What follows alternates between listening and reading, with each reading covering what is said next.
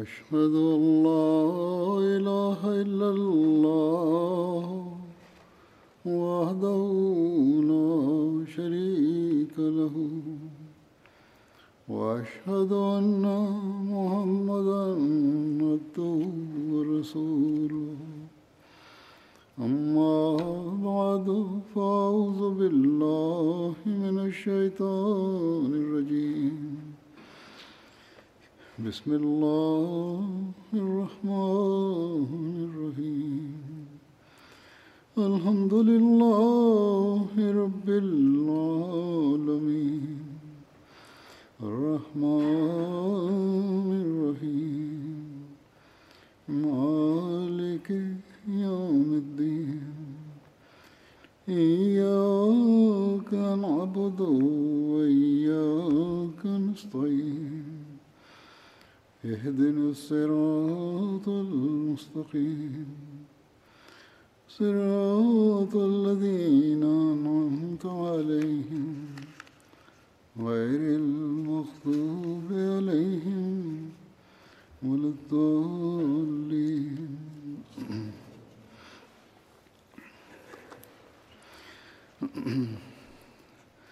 Bismillahirrahmanirrahim. Hazreti Halifatul Mesih peti, da Allah bude njegov pomagač, je rekao da će da nastavi da govori o životu Hazreti Omera radijallahu anhu, kao što je govorio u prijašnjim.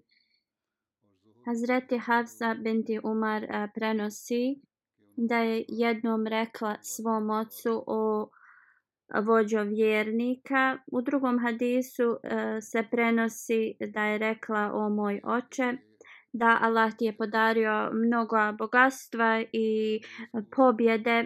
Onda ga je pitala zašto ti ne jedeš uh, kao neku bolju hranu i ne odjevaš uh, mekšu odjeću.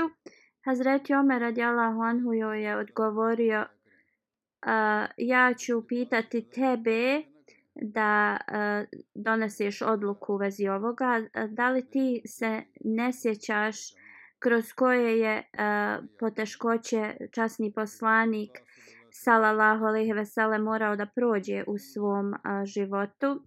I ovaj prenosioc govori da je Hazreti Omer ponavljao ove riječi a, toliko puta da je Hazreti Hafsa počela da plače. Onda je Hazreti Omer radijalahu anhu rekao tako mi Allaha dogod ja budem imao uh, mogućnosti mogao ja ću da uh, prolazim kroz poteškoće kroz koje je prošao poslanik sallallahu alejhi ve sellem i Hazreti Abu Bekr radijallahu anhu tako da ja mogu da prolazim uh, kroz iste poteškoće i da im se na istom mjestu pridružim uh, na ahiretu. U drugom hadisu uh, kaže uh, prenosi se da je uh, rekao o Hafsa uh, kćerko Omerova ali uh, kao savjetuješ me u vezi nečega što je ovo svjetsko, ali to nema ništa uh, kao sa mnom. Onda je rekao, uh, moja uh, porodica ima uh, kao, može da se pita u vezi njegovog života ili njegovog bogatstva, ali nemaju pravo da uh, se uh, miješaju u njegovu vjeru. Drugim riječima, uh, da jednostavno oni e, nemaju pravo da se miješaju u vezi e, načina na koji e, on e, svoj život živi. Hazreti Ikrima bin Halid prenosi da je Hazreti Hafsa, a Hazreti Abdullah e, govorili e, Omeru radijallahu anhu e, da jede bolju hranu tako da on bude kao snažniji da uh, se bori na Allahovom putu i upravlja uh, umet. Hazreti Omer radijalahu anhu je na ovo odgovorio da li vi imate svi ovakvo mišljenje? Svi su odgovorili da. Onda je Hazreti Omer radijalahu anhu rekao onda ja shvatam uh, da vi se brinete u vezi moga zdravlja ali je rekao moji prijatelji e, misleći na poslanika sallallahu alejhi ve sellem i Abu Bekra radijallahu anhu ostavio sam ih na ovakvom putu i ja ću tako račam tim putem poteškoća tako da ih mogu e, da se sretnem s njima na istom mjestu e, na ahiretu. Hazreti Muslim Maud govori da era u toku poslanika sallallahu alejhi ve sellem mi iz, iz toga možemo da naučimo veliku lekciju i naređenja koja je on dao muslimanima. Bila je praksa poslanika sallallahu alejhi ve sellem da e, ne prave više od jednog jela i također je ovo savjetovao druge. Let muslimao dok je govorio u vezi tahrike džedida, e, govorio je e, u vezi ovoga. Hazreti muslimao radi Allahu anhu je dalje rekao da uputa časnog poslanika sallallahu alejhi ve sellem je bila da se ne pravi više nego e, jedno e, jelo. I e, toliko je to savjetovao da su mnogi ashabi se pri, striktno pridržavali ovoga. Jednom je sirće i e, so bilo e, stavljeno ispred e, Hazreti Omara radijalahu anhu. I on je rekao zašto su dva jela stavljena pred mene i rekao je da je e, poslanik sallallahu alejhi ve sellem rekao da jedna hrana se stavlja.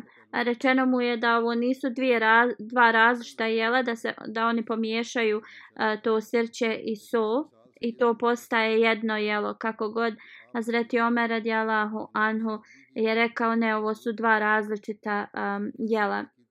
Iako možda poslanik sallallahu alejhi ve sellem nije mislio do ovakve mjere do koje je um, Hazreti Omer radijallahu anhu savjetovao ih, ali e, njegova želja je bila e, jednostavno kroz te savjete poslanika sallallahu alejhi ve sellem da e, muslimani trebaju da e, prihvate e, je, jednostavan život. Hazreti Muslima od radijallahu anhu dalje govori ja ne tražim isti um, E, kao način koji je tražio Hazreti Omer radi Allahu Anhu. I ja ne, ne govorim da je so od sirćeta različita e, kao različito jelo, ali vas a, a, pitam da u sljedeće tri godine da, da svaki Ahmedi musliman koji želi da učestvuje u ovome sa nama, onda treba da obeća da će da dnevno uh, jede jedno jelo. To jeste, na primjer, hljeb i neki umak ili uh, umak i, i riža.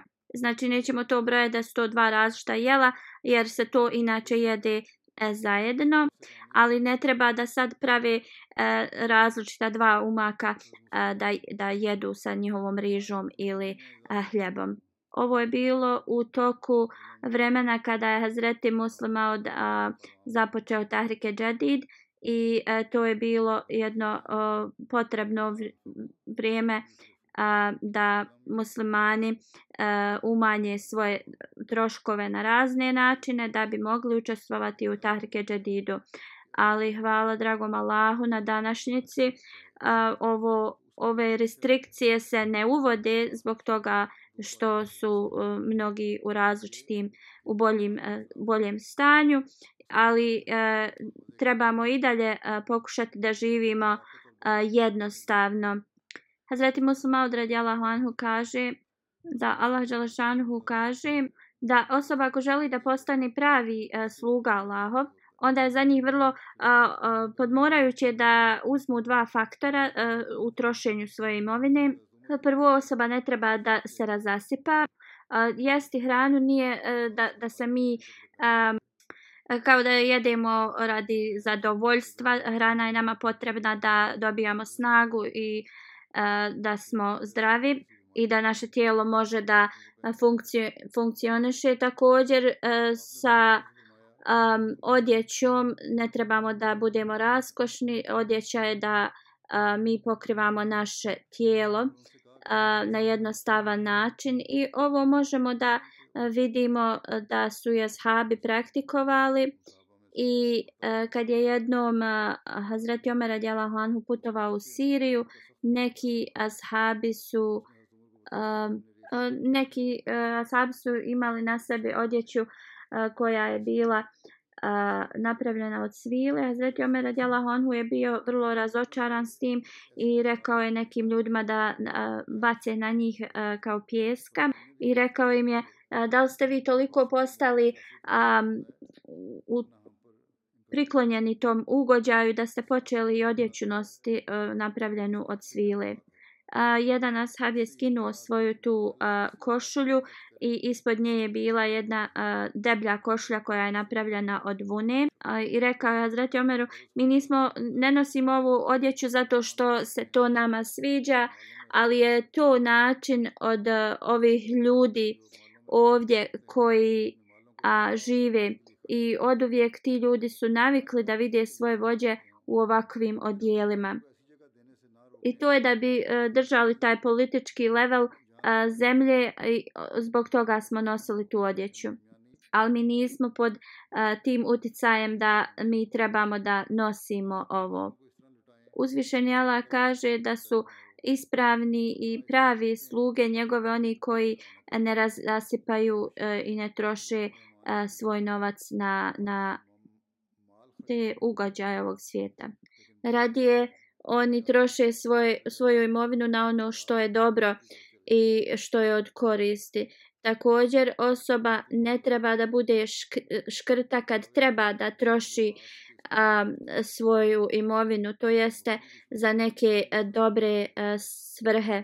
Znači osoba ne smije trošiti svoju imovinu protiv Allahovog zadovoljstva ali trebaju da troše a, imovinu na Allahovom putu u dobre stvari. I ovo je vrlo potrebno da bi postigli Allahovu milost. Kako god neki ljudi ili troše mnogo ili su škrti. Hazreti Omer radijalahu anhu je bio toliko protiv um, odjeće uh, koja je bila vrlo uh, elegantna i vrlo skupa i nije volio ni da vidi zarobljenike u takvoj odjeći. Um, ovo se spominje uh, u vezi e, perzijskog uh, um, komadanta Hurmazana detaljno. Iako sam ovo uh, spomenuo detaljno, spomenut ću neke sad uh, detalje ukratko. Rečeno je kada su uh, zarobili um, kada se Hurmazan predao muslimanima on je bio poslan kod uh, Omera radijalahu anhu u Medinu ali prije nego što je ušao u Medinu on je muslimani su mu uh, skinuli njegovu uh, odjeću od svile tako da može doći uh, pred njih kada je Hurmazan došao kod uh, Hazreti Omera radijala anhu, Hazreti Omer je pitao je li to Hurmazan, ljudi su rekli da. I onda je Hazreti Omer radijalahu anhu a, gledao a, u njega i govorio tražim zaštitu kod gospodara od vatre a, nekoliko puta. Onda je uh, Hazreti Omer rekao da on neće s njim razgovarati dok mu ne skinu uh, svo, sav taj nakit i, i svilenu odjeću. I kad su to uradili, onda je Hazreti Omer radijalahu anhu razgovarao s njim. Hazreti Urva bin Zubeir eh, prenosi da je nosio, da je vidio eh, Omera radijalahu anhu kako nosi eh, vodu u, u koži na ramenu i e, pita, rekao mu je o vođo vjernika, ovo ne, do, ne priliči tebi. Hazreti Omer radijalahu anhu je rekao, kad su iz raznih zemalja delegacije došle e, i kao tražila od njega savjet i dozvole, on je rekao, nešto se u mom srcu e, razvilo kao da je on e, značajna osoba. I onda rekao je da bi ja uklonio to, taj osjećaj e, iz mog srca i odlučio sam da nosim vodu u ovoj koži. Hazreti Jahja bin Abdurrahman Hateb prenosi od svog oca da kaže da su jednom vraćali iz Meke i Omer radijalahu anhu je bio s njima. Zaustavili se u jednoj e, dolini za džnan koja se nalazi 25 milja od Mekke udaljena. On kaže, Hazreti Omer radijalahu anhu je rekao na ovom mje, mjestu um, se sjećam da sam čuvao uh, kamile svog oca Hataba. On je bio vrlo stroga osoba.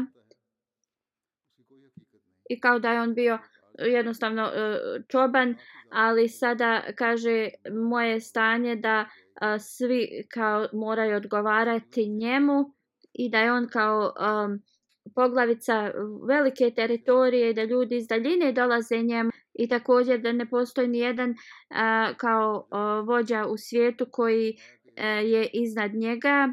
Onda je Hazreti Omer a, e, uh, recitovao sljedeće stihove. Šta god vidite nema neku realnost. Jedino je to jedna vrlo a, kratka radost. Bogatstvo i potomstvo a, će doći do, doći do svog kraja i jedino je Allah taj koji je vječan. Hazreti Halifatul Mesih prvi radijalahu anhu e, kaže da jednom je Hazreti Omer radijalahu anhu se vraćao s, s hađa i zaustavio se negdje. Neki ashabi su ga pitali zašto si ovdje zaustao i on kaže jednom sam čuvao kamile ovdje i pod ovim drvetom a, kao njegov otac ga je a, ružio i on kaže od danas a, a, hiljadama stotina ljudi a, su spremni da žrtvuju svoj život ako ja naredim. Hazret Musmaud radijalahu anhu govori u vezi ovoga, zar ovo nije zadivljavajuće E, da osoba koja je jednom bila čoban sad je bio kao kralj. Ali ne samo da je on imao ovo, svjetski, ovo svjetsko kraljevstvo, nego i duhovno kraljevstvo kao halifa. Izret Musmaud navodi isti ovaj incident i kaže e, da kada se vraćao Zreti Omer radijalahu anhu, Sahadža iz Mekije stao je u ovoj dolini i uh, niko se nije usiđivao da, da ga pita zašto je zastao na toj vrućini uh, tu. I onda ga je neko upitao uh, jedan asab zašto je stao, zašto ne ide dalje. I onda je Zreti Omer radijalahu anhu rekao razlog zašto sam ja stao, ja sam se jednom odmarao ispod ovog drveta dok sam čuvao uh, kamile. Uh, moj otac je došao uh, i udario me i rekao je sam te poslao da sjediš ispod uh, drveta? I kao tako je bilo moje stanje ali posle prihvatanja poslanika sallallahu alejhi ve sellem Allah dželešanuhu mi je dao um, status uh, da ako danas naredim da ta uh, e, hiljadama ljudi a, trebaju da da se bore oni bi a, jednostavno svi pristali i kao žrtvovali a, bi a, svoj život.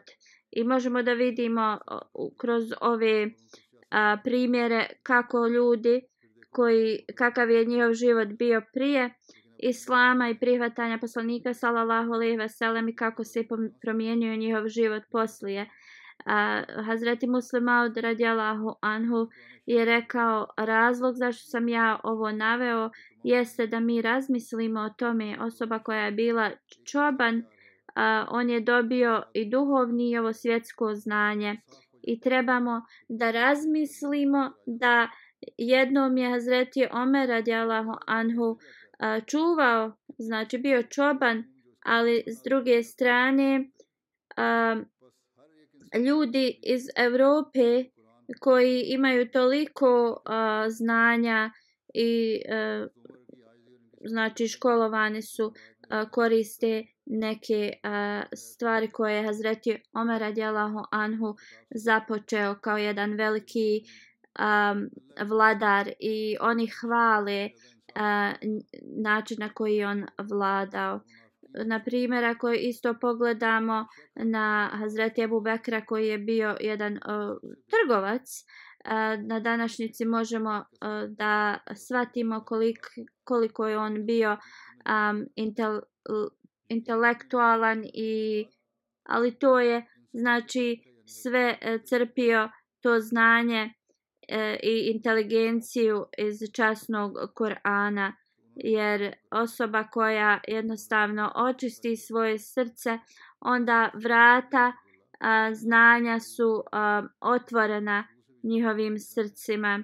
Znači svaka osoba treba da čita časni Kur'an da razmišlja o časnom Kur'anu um, onda hadis od Džubeir bin Hubej koji prenosi kaže da ljudi su došli kod Hazreti Omara radijalahu anhu i rekli su o vođo vjernika stvarno nismo vidjeli osobu koja je pravednija uh, od tebe i strožija prema licemjerima od tebe.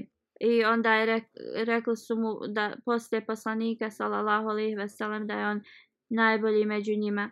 Onda je osoba rekla, jedna osoba rekla um, vidjeli smo zaj, zaista među nama bolju osobu od Hazreti Omera radijallahu anhu posle poslanika sallallahu alejhi ve sellem. Onda je Hazreti Omer upitao o Aufe ko je ta osoba? On je odgovorio Ebu Bekr.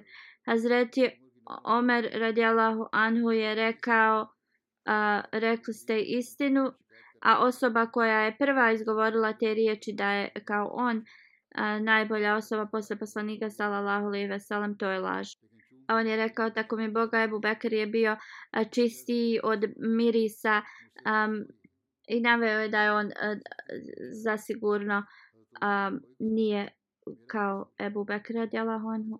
U jednom hadisu se prenosi da je Hazreti Omer i Hazreti Ebu Bekr radijalahu anhu nešto razgovarali i to je a, prešlo u argumenti. Hazreti Ebu Bekr je odlučio za, za to da ode da se to ne bi eskaliralo i kada je Hazreti Ebu Bekr pokušavao da ode, Hazreti Omer ga je držao za njegovu odjeću, e, ga govoreći odgovori mi prije nego što ode.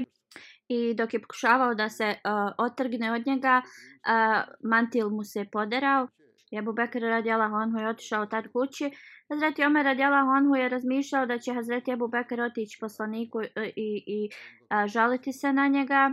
I onda ga je pratio da bi on mogao da uh, kaže poslaniku kao svoje mišljenje i kada je izgubio Hazreti Abu Bekra iz vida, mislio je da je on otišao kod poslanika sallallahu alejhi ve sellem i onda je otišao kod uh, Hazreti Omer je otišao kod poslanika sallallahu alejhi ve sellem, ali Hazreti Abu Bekr nije bio tu.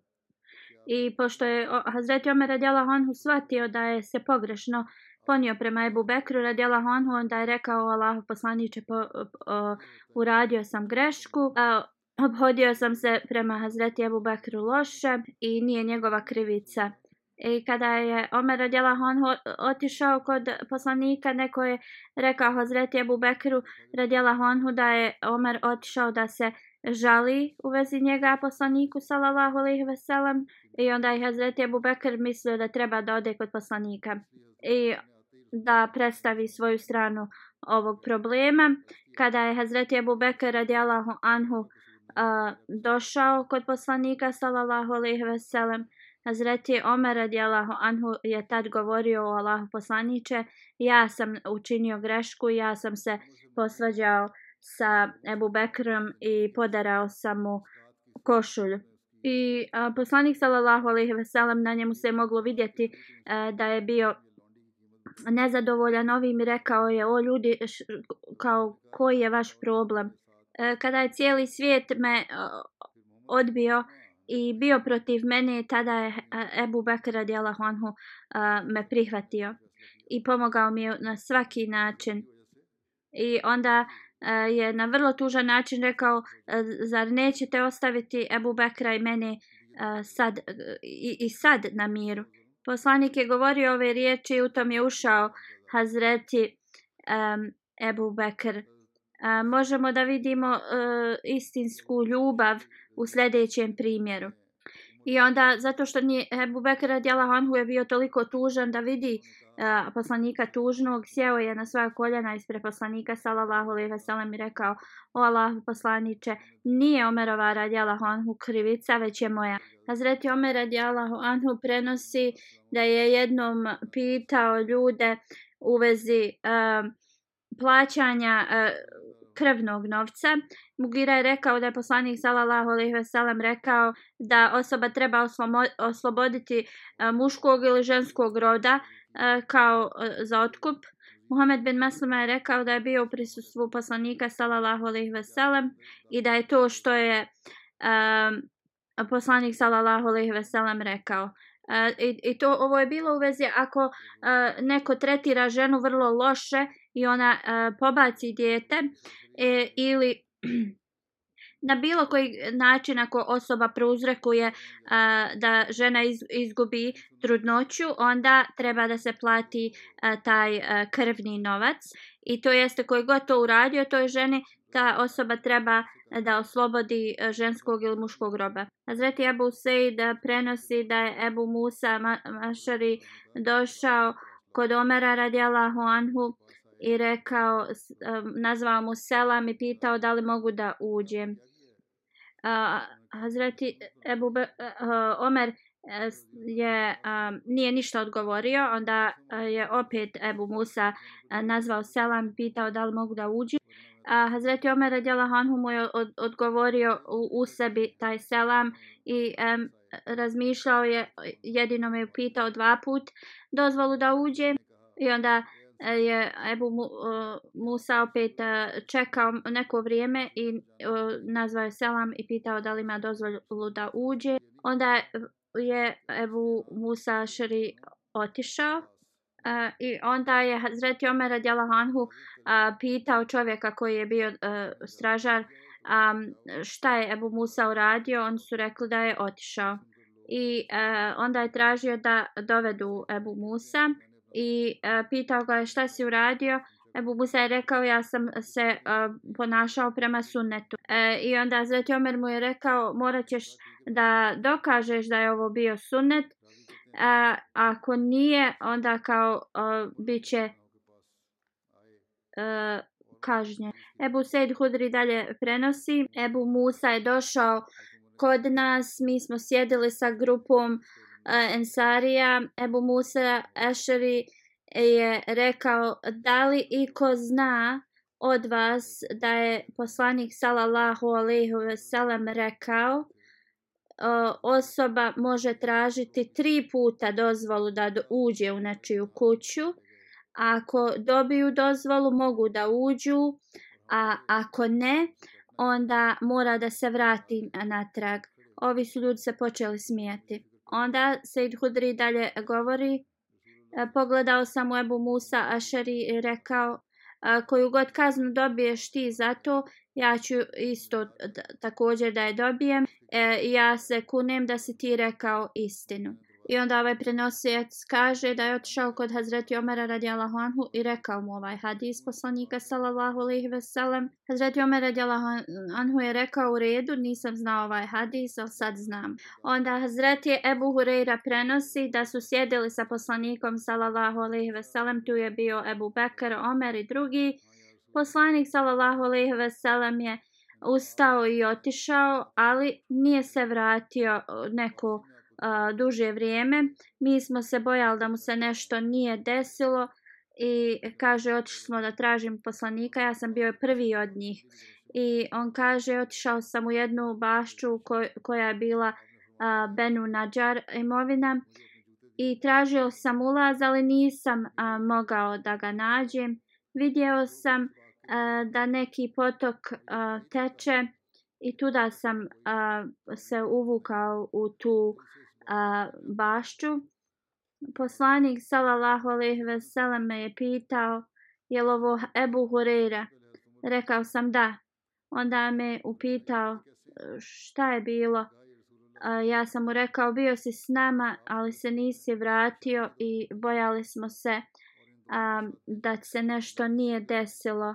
Ali um, i drugi kao traže poslanika sallallahu alejhi ve sellem poslanik sallallahu alejhi ve sellem je rekao onda je uh, dao mu sandale svoje rekao uzmi moje sandale i koga god uh, ispred ove bašče uh, bude tu ako budu uh, posvjedočili la ilaha illallah i zasigurno oni budu svjedočili to i vjerovali u to, onda im podari a, radosne vijesti o džennetu. A, Hazreti Ebu Hureyra e, kaže prvu osobu koju sam sreo bio je Omer radijalahu anhu. Onda je me pitao o Ebu Hureyra kakve su to sandale. Rekao sam ovo su poslanikove sallallahu alaihi ve sellem um, sandale i poslao me je da um, dam radosne vijesti onima koji zaista vjeruju u la ilahe illallah svojim punim srcem i da im dam radosne vijesti o džennetu. Hazreti Ebu Hureyra dalje govori um, da ga je Hazreti Omer radijalahu anhu udario po prsima vrlo jako i on je pao na svoja leđa. I rekao je, o Ebu Hureyra, vraćaj se nazad, kao da ne mora to govoriti drugim ljudima. Hazreti Ebu Hureyra kaže, vratio sam se kod poslanika, sallallahu alaihi veselam. I skoro da sam počeo da plačem, eh, kada je Zreti Omer radijalahu anhu također me pristigao. I poslanik me je pitao, o Ebu Hureyra, šta je bilo? I ja sam mu eh, ispričao šta se je desilo i kako ga je a, Omer udario po prsima.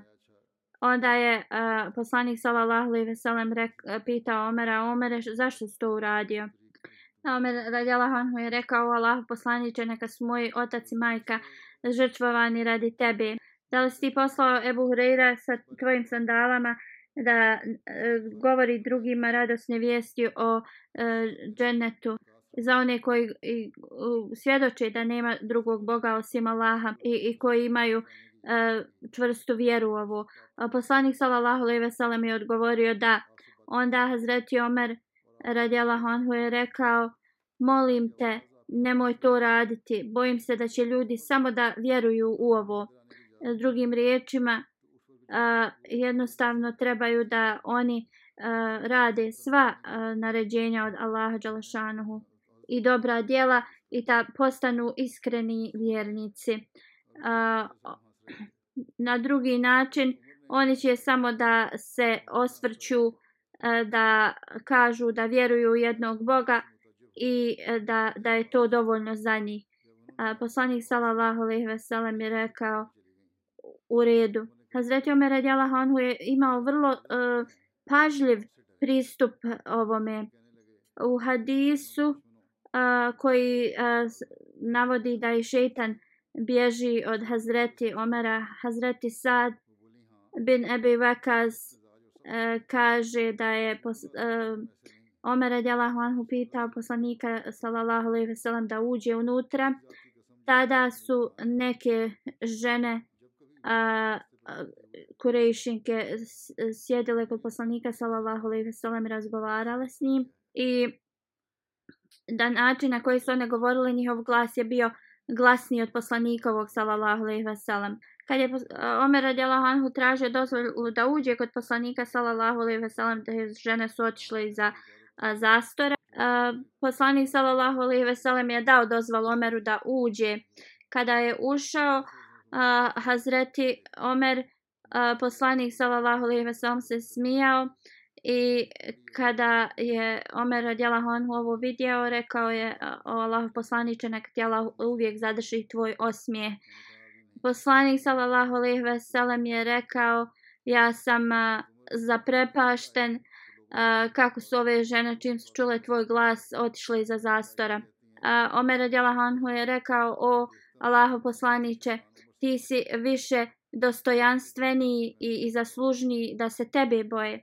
I onda se obratio ovim ženama i rekao, Hazreti Omer je to rekao, o žene koje ne obraćate pažnju, vi se bojite mene, a ne poslanika, salallahu alaihi veselem. One su rekle, da, zaista, zato što si ti strog.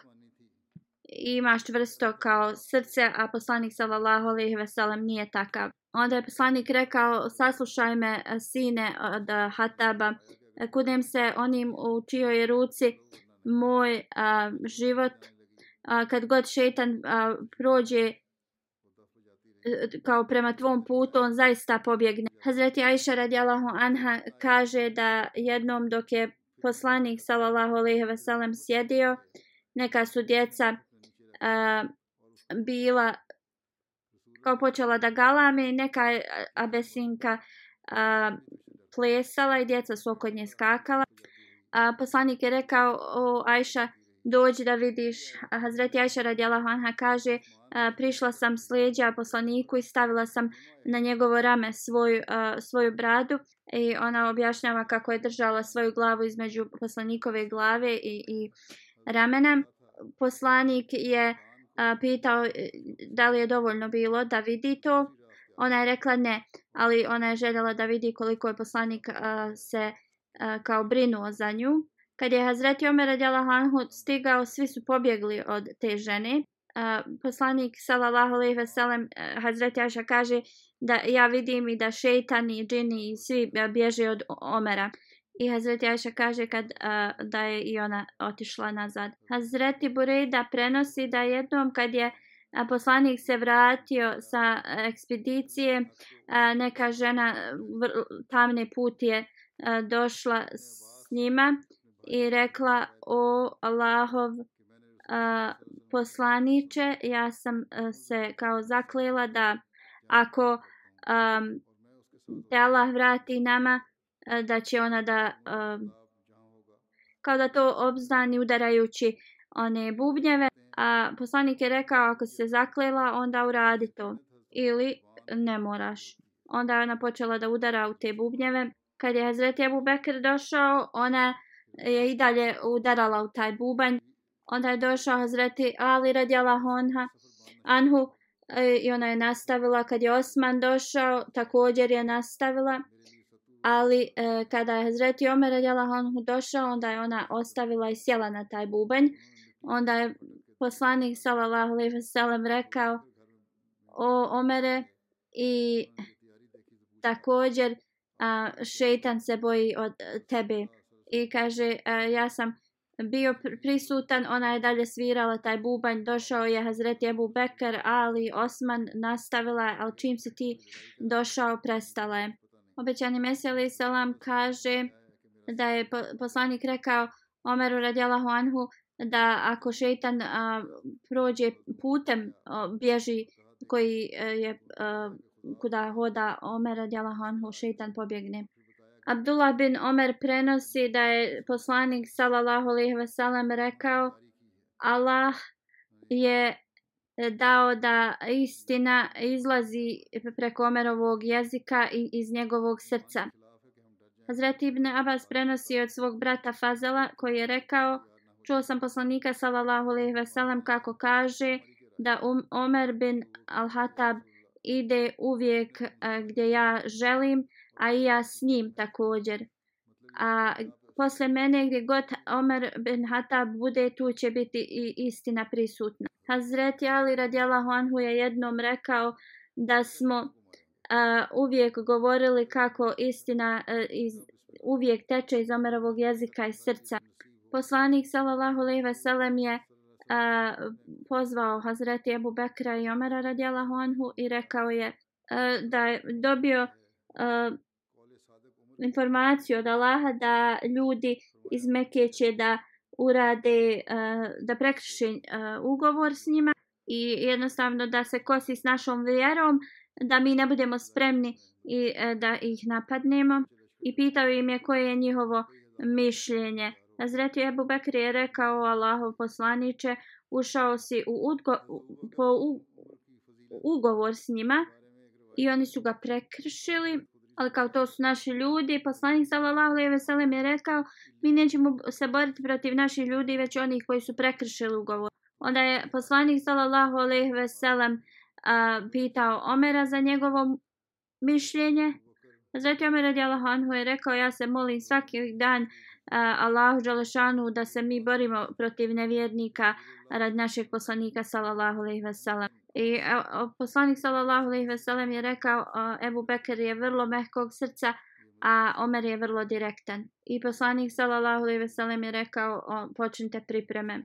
I onda je poslanik poslao e, uh, oglas da kogod vjeruje u Allaha i njegovog poslanika uh, svim tim plemenima okolo da trebaju da dođu u Medinu na početku, početku Ramazana i tu se skupilo hiljadama ljudi i onda su krenuli. Hazreti Ebu Huseid Hudri prenosi da je poslanik sallallahu alejhi ve sellem rekao da oni koji imaju najveći status i oni koji će biti u džennetu uh, su e, i ti ljudi kada budu u džennetu čitavo to e, mjesto će kao da sjaji od njih i među njima je kao će biti Hazreti Abu Bekar i Omer. Oni su odlični ljudi. Abu Usman ka, prenosi da je poslanik sallallahu alejhi ve sellem postavio Umar bin Alasa a, kao komadanta armije u nekoj borbi. To je borba bila jedno jedan dan a, hod, a, hoda udaljen od Medine. Um, Hazret Amir kaže, kad sam se vratio, pitao sam poslanika ko je njemu najdraža osoba. Poslanik sallallahu alejhi ve sellem je rekao Ajša. Onda sam ga pitao od muškaraca, a poslanik je rekao otac Ajšin.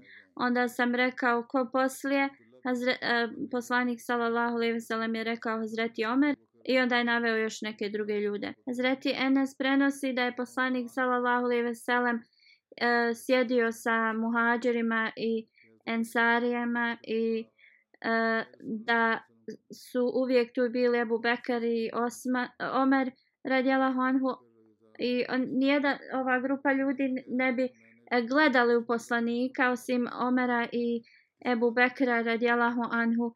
Gledali bi direktno u poslanika i imali bi osmijeh na licima a i on bi onda gledao njih i nasmijao bi se njima.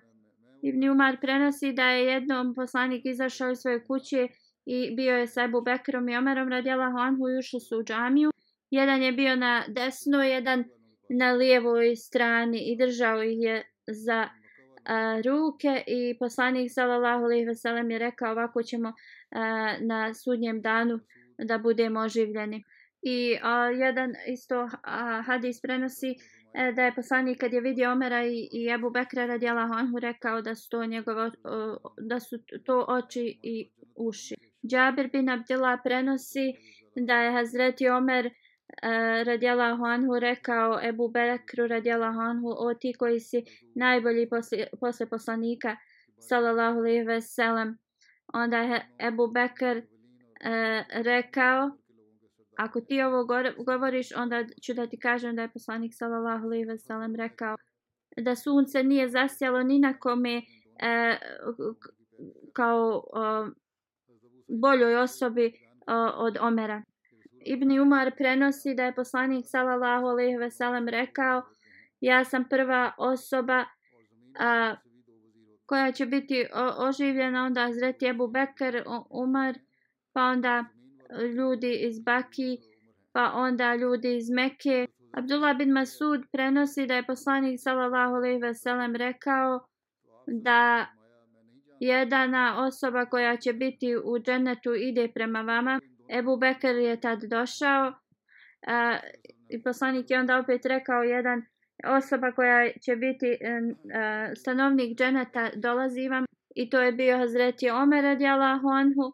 Hazreti Enes radijalahu anhu kaže da je e, poslanik sallallahu alejhi ve sellem rekao da je Hazreti Abu Bekr i Omer poglavice e, svih e, ljudi u uh, džennetu osim poslanika. Uh, onda još jedan hadis da je poslanik rekao posle mene uh, slijedite Ebu Bekra i Omera. Uh, Ebu Sejd Hudri prenosi da je poslanik sallallahu alejhi ve sellem rekao svaki e, poslanik ima dva vezira u e, džennetu i, i na zemlji. E, moja moja dva vezira su Džibrail i Mikail u džennetu a, a na zemlji to su Ebu Bekar i Omer. Zato Zefa prenosi da su sjedili s poslanikom sallallahu alejhi ve sellem kad je rekao ja ne znam koliko ću ostati među vama ali morate e, slijediti ovu dvojicu posle mene. To su bili Ebu Bekar i Omer.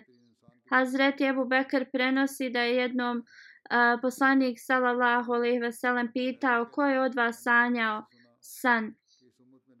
A, jedna osoba je rekla ja sam sanjao da se vaga spustila a, s neba i da su da je ta vaga a, vagala poslanika i Ebu Bekra i da je poslanikova vaga bila teža. Onda Hazreti Ebu Bekr i Omer su bili na vagi i uh, Hazreti Ebu Bekra vaga je bila teža. Onda su Hazreti Omer i Osman i e, Omer je bio teži i onda je ta um, vaga bila odnesena.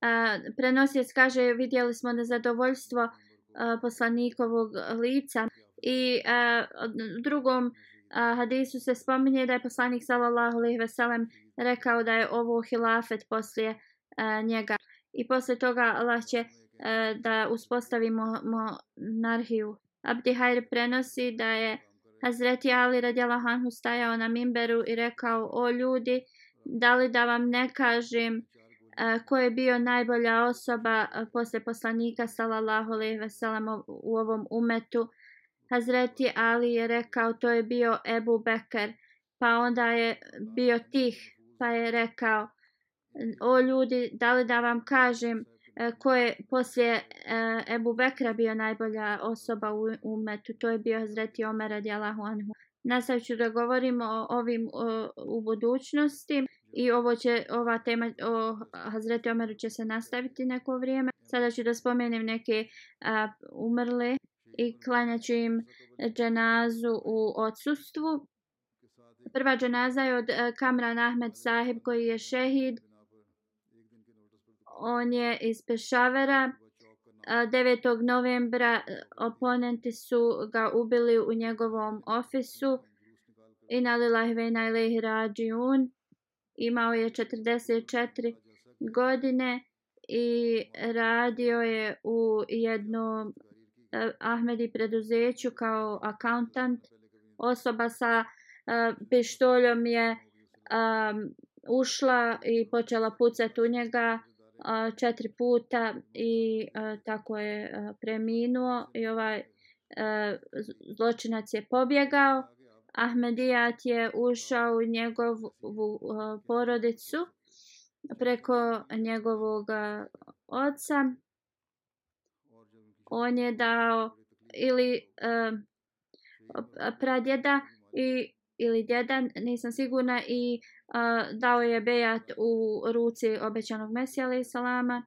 A on je nedavno a, kupio neku bioprodavnicu na nekom zemljištu, ali ta e, posle jednog dana osoba ih je istjerala zato što su oni Ahmedi. Onda također su kupili neku drugu prodavnicu, ali ovi pozicija je opet e, se e, bunila i oni su bili izbačeni i onda velika demonstracija oko njihove kuće je bila a, organizovana a, u oktobru. A, mnogi govori su održali protiv džamata, a, govori mržnje i e, kao govori se da nisu takve demonstracije bile odavno a, urađene ili nisu nikad takve bile. A, nekoliko godina je bio a, u račun, računovođstvu u nekoj preduzeću ali radi opozicije pitao je da e, napusti taj posao i to preduzeće je reklo da način na koji on tako dobro radio ne žele da, da ga izgube i da treba da radi kod njih iako je to samo nekoliko minuta. I kad su čuli da je ubijen vrlo su bili e, razočarani. On ima mnoge dobre kvalitete njegov otac kaže da je jednom došao kasno kući pitao sam ga zašto si došao tako kasno kući on je rekao uh, da je uh, bila neka žena uh, koja je bila supruga nekog čovjeka koji je u opoziciji protiv džamata, ali on ostao da trebala joj je krv i dao joj je svoju krv, kao donirao je krv za nju. I on je rekao to sam radio zato što ti ljudi uopšte nemaju uh, sredstava. Onda je rekao da mi imamo naše standarde, oni imaju svoje. On je uvijek uh, pokušavao da služi druge, uh, bilo šta za džemat što je trebalo, radio bi prvi, uvijek bi stražario u opasnim mjestima. Kad bi god um, mu bil, govorili da on treba da napusti mjesto e, zato što nije sigurno. Govorio bi ljudi koji su siromašni Ahmedi Musmani, onda bi bili totalno nezaštićeni. Uvijek je a, davao svoje a, čende na vrijeme. Kad imao 12 ili 13 godina, a, bio je pritvoren, policija ga je pritvorila zato što je dijelio neke a, brošure uh, džematske, ali su ga pustili sljedeći dan. Njegov otac kaže da je sanjao san uh, dva dana prije njegovog uh, ubistva i kao neka žena je čistila njihovu kuću i rekla ona to radi jer Halifatul Mesih četvrti dolazi. I po, malo vremena poslije Halifatul Mesih četvrti Rahmula je došao i uzeo je uh, kamaran sajba za ruku i rekao mi ćemo da boravimo zajedno i ti ćeš da budeš uz mene.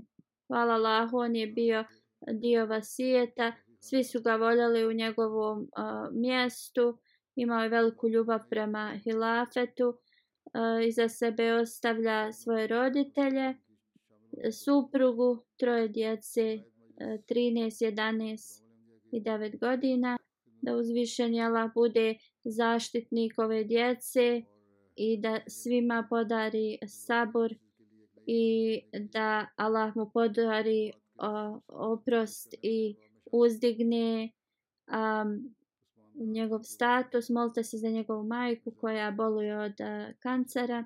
Da Allah je blagoslovi. Doktor Mirza Nubir Ahmed Sahib i Aisha Ambar Sejd Sahiba A, oni su oba dvoje preminuli u Milvakiju u Americi u, u saobraćajnoj e, udesu. Doktor Mirza je Nuber imao 35 godina i na lilah ven alih rađiun. Njegov a, predjed, pradjed je bio um, ashab obećanog Mesije, salama njegova nana je bila kćerka od doktor mastera Abdurrahmana sahiba. Također pradjed po majici mu je bio a, ashab a, obećanog Mesije ali salama imao je mnogo a, osoba u familiji koji su bile sahabi obećanog mesije. 2012. E, se a, doselio u Ameriku. U 17. godini je e, se pridružio vasijet uh, on je služio kao kajd Međalis uh, e, Hudamul Ahmedija i uh, rečeno je da je on uh, najviše donirao za uh, džamiju u Milvakiju. I za sebe ostavlja oca i uh, majka uh, oni služe u Islamabadu uh, džamatu. Uh, sestra Nadija i dvojica braće uh, njegova supruga Aisha Amber je bila s njim i ona je preminula otac joj je Sejd Shah iz e, Japana i sestra od e, Seid e, Ibrahim koji je također um, misionar u Japanu. I kao što sam spomenula, ona je bila sa svojim mužem i preminula je dva dana poslije. Ona je služila u MTA International i a, prevodila je a, na japanski jezik a, moje hudbe.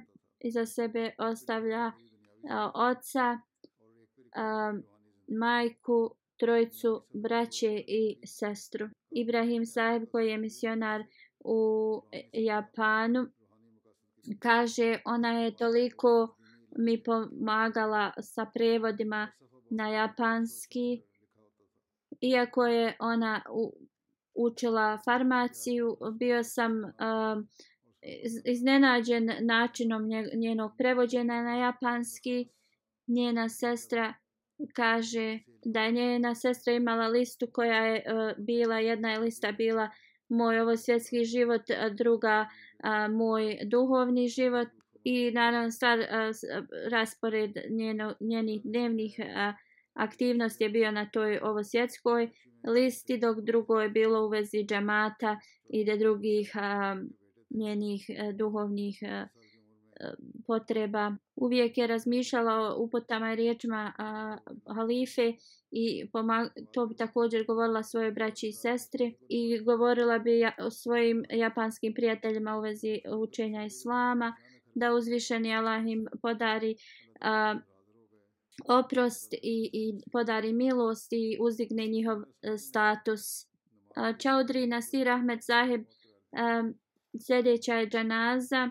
On je bio finansijski sekretar u Karačiju.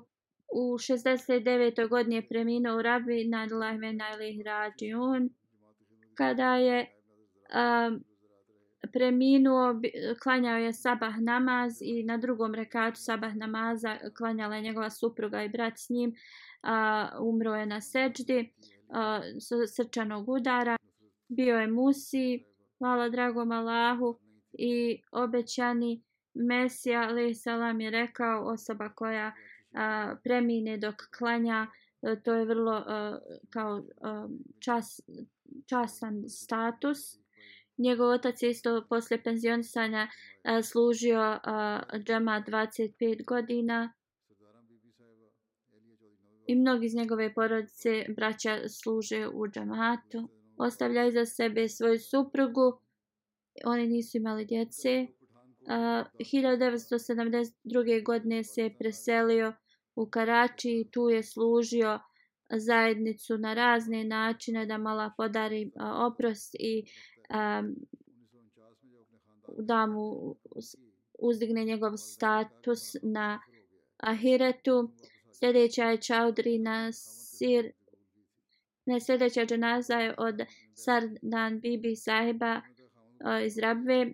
Njena cijela porodica je šija. Ona se prešla na Ahmedijat 1949. Njena porodica rekla da joj je muž postao nevjernik kao da se ona treba vratiti njima. Njena porodica e, znači nisu Ahmedi postali, a rekli su zato što je njen e, muž postao kao nevjernik treba da se vrati ona njima. Ona je rekla svojoj porodici, ja sam sad postala prava muslimanka, s vama sam samo klanjala e, sabah, a sad klanjam pet dnevnih namaza. I također tahadžud. I ne želim da vam se vratim. I nakon 14 godina kad je ponovo vidjela svoje roditelje, oni su bili vrlo um, hladni prema njoj. I nikada njihova srca nisu omekšala i, i nisu joj nikad došli u posjetu. Ona je zaista volila uh, zajednicu i bila je predana hilafetu. Brinula se za siromašne, bila je vrlo pobožna, iskrena, bila je musija, ostavlja tri sina, četiri čerke. Abdurrahim Saib, najstariji sin, koji služi u Sierra Leone pet godina u Nusr Jahan. I najmanji, e, najmlađi sin joj je misionar u Kamarunu on je glavni misionar i emir e, kam te zemlje i zbog svoje službe nije mogao prisustovati majkinoj džanazi. Da uzvišeni Allah podari svima sabor i da uzvišeni Allah uzdigne a, njen status. Alhamdulillah, alhamdulillah, nahmadu wa nastajinu wa nastagfiruhu. ونؤمن به ونتوكل عليه ونعوذ بالله من شرور أنفسنا ومن سيئات أعمالنا. من يهده الله فلا مضل له ومن يضلل فلا هادي له. ونشهد أن لا إله إلا الله ونشهد أن محمدا عبده ورسوله. عباد الله رحمكم الله. إن الله يأمر بالعدل واللسان وإيتاء ذي القربى وينهى عن الفحشاء والمنكر والبغي يعظكم لعلكم تذكرون. اذكروا الله يذكركم وادعوه يستجب لكم ولذكر الله أكبر.